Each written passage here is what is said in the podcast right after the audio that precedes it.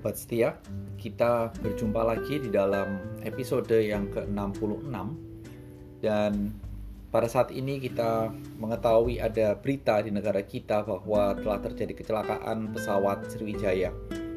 Saya mengajak kita untuk mendoakan segenap keluarga yang ditinggalkan dalam suasana duka berkaitan dengan peristiwa tersebut kiranya Tuhan boleh menguatkan dan menghiburkan. Dan kembali saya juga mengajak kita semua untuk bersama-sama berdoa secara khusus untuk anak FON 2017 yang sedang dalam profesi dan yang akan menjadi garda depan di dalam membantu di rumah sakit. Kiranya Tuhan memberikan kekuatan dan kesehatan serta perlindungan bagi mereka semua. Hari ini saya ingin mengajak kita untuk merenungkan suatu tema yaitu The Secret. Terambil dari Lukas pasal yang ke-13 ayat 31 sampai dengan ayat yang ke-35.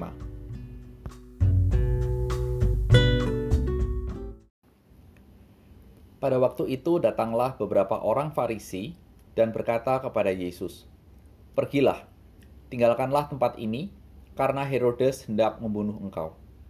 Jawab Yesus kepada mereka, "Pergilah dan katakanlah kepada serigala itu, Aku mengusir setan dan menyembuhkan orang, pada hari ini dan besok dan pada hari yang ketiga aku akan selesai. Tetapi hari ini dan besok dan lusa aku akan meneruskan perjalananku sebab tidaklah semestinya seorang nabi dibunuh kalau tidak di Yerusalem.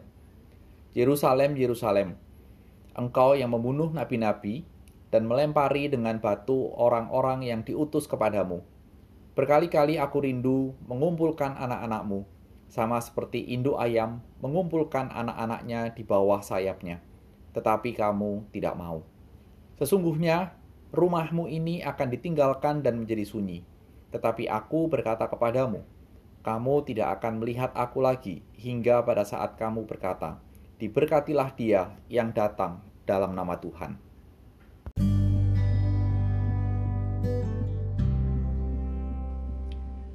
Mari kita bersama-sama berdoa. Bapa kami dalam surga, kami berterima kasih untuk pagi hari ini dan terima kasih untuk berkat Tuhan atas kehidupan kami. Saat ini kami berdoa secara khusus untuk keluarga yang berduka atas peristiwa kecelakaan Sriwijaya. Tuhan yang boleh menghiburkan dan Tuhan yang boleh menguatkan.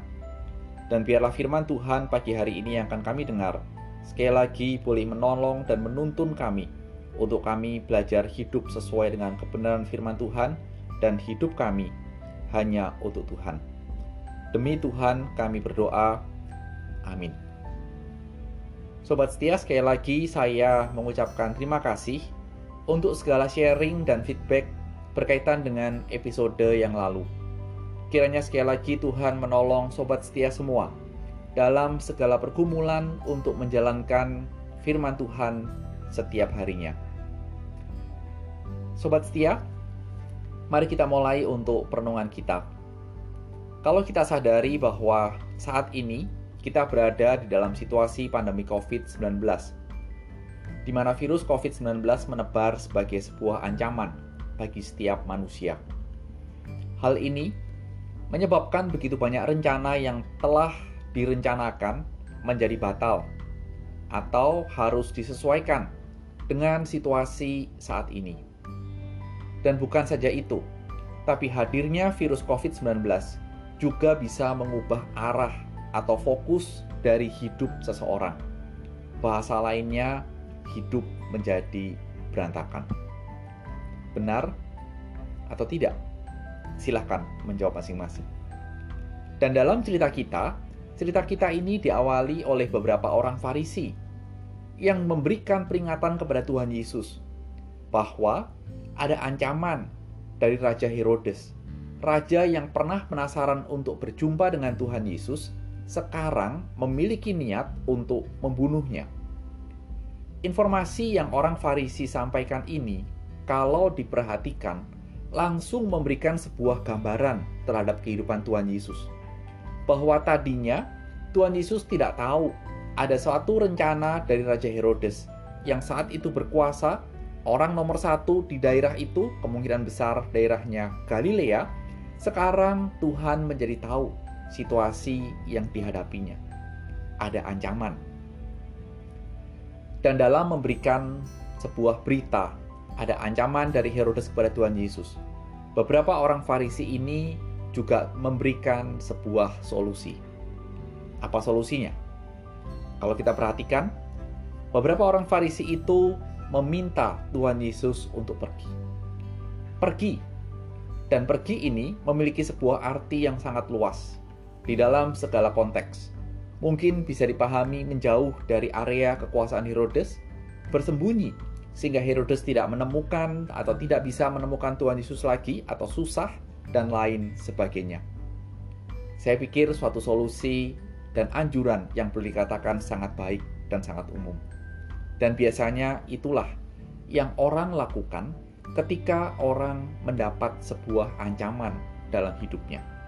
Persis sama ketika kita hidup sekarang ini di tengah-tengah ancaman COVID-19, kita menghindari kerumunan. Kita menghindari untuk kita dekat dengan orang lain, terutama yang tidak menggunakan masker.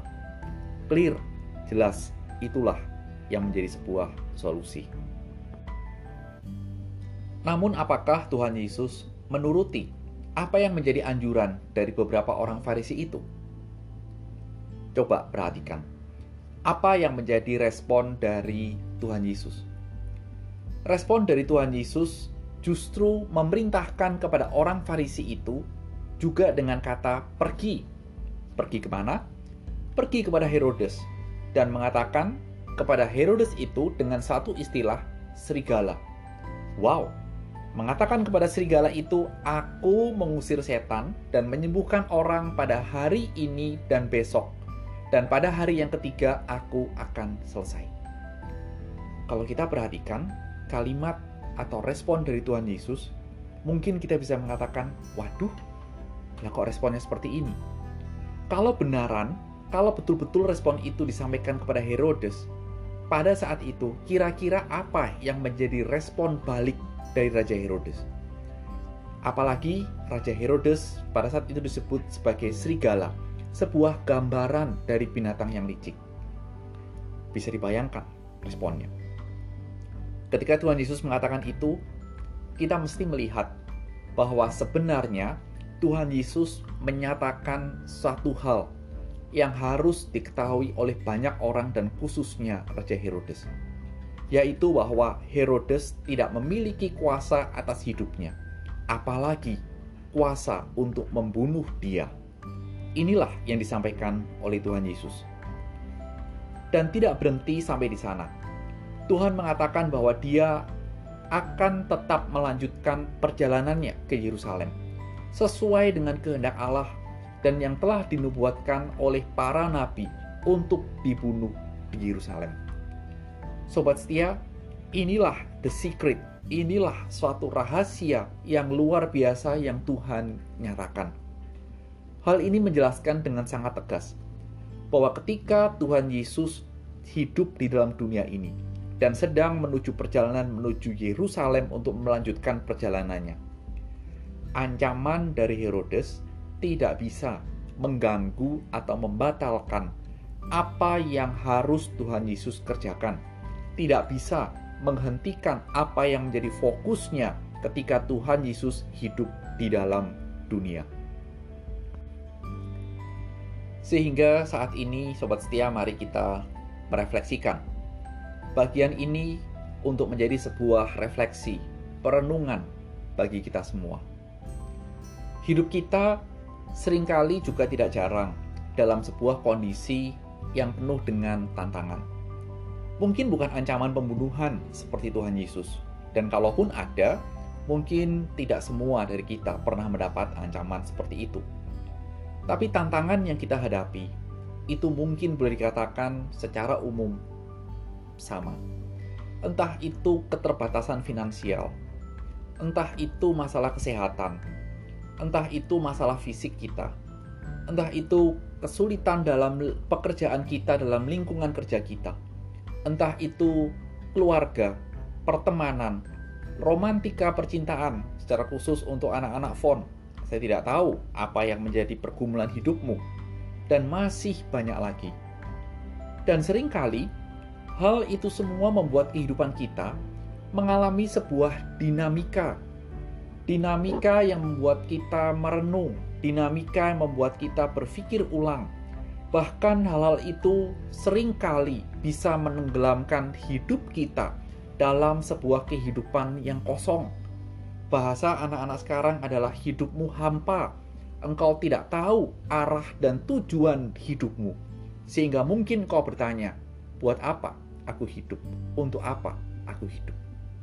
Namun belajar dari cerita ini, Sobat setia yang dikasih Tuhan, ingat, kita adalah anak Tuhan. Tuhan yang kita percaya memiliki kuasa dalam menyembuhkan dan mengusir setan, bahkan sekali lagi ingat, kematian pun dikalahkan. Itulah kuasa yang tidak sebanding dengan kuasa penguasa Herodes saat itu yang mengancam akan membunuhnya. Sehingga dari kisah ini, Tuhan meninggalkan jejak untuk kita ikuti kita hidup dalam dunia ini dengan sesuatu sikon yang sering kali tidak mendukung kita. Tetapi ingat, Tuhan tahu apa yang menjadi fokus dan apa yang dikerjakan, sehingga dia terus melangkah. Sehingga tetaplah fokus dan teruslah melangkah dalam rencana dan kehendak Tuhan.